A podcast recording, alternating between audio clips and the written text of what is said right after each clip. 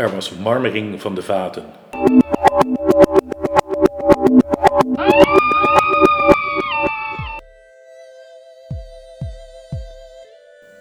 Ze ligt met de deken hoog opgetrokken in bed en heeft die jankmuziek op staan.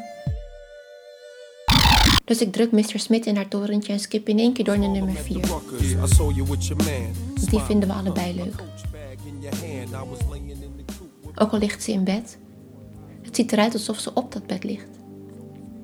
Vicky laat zich de regels niet voorschrijven, zelfs niet door de dingen.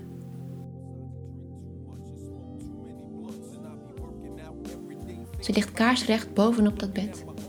Ze is keihard aan het liggen. Heel erg als werkwoord. Ze ligt ook bijna actief onder de deken, waarmee ze die deken toestemming lijkt te verlenen om over haar heen te liggen. Ze zegt dat ik heus niet hoef te blijven als ik het saai vind zo, alleen met haar.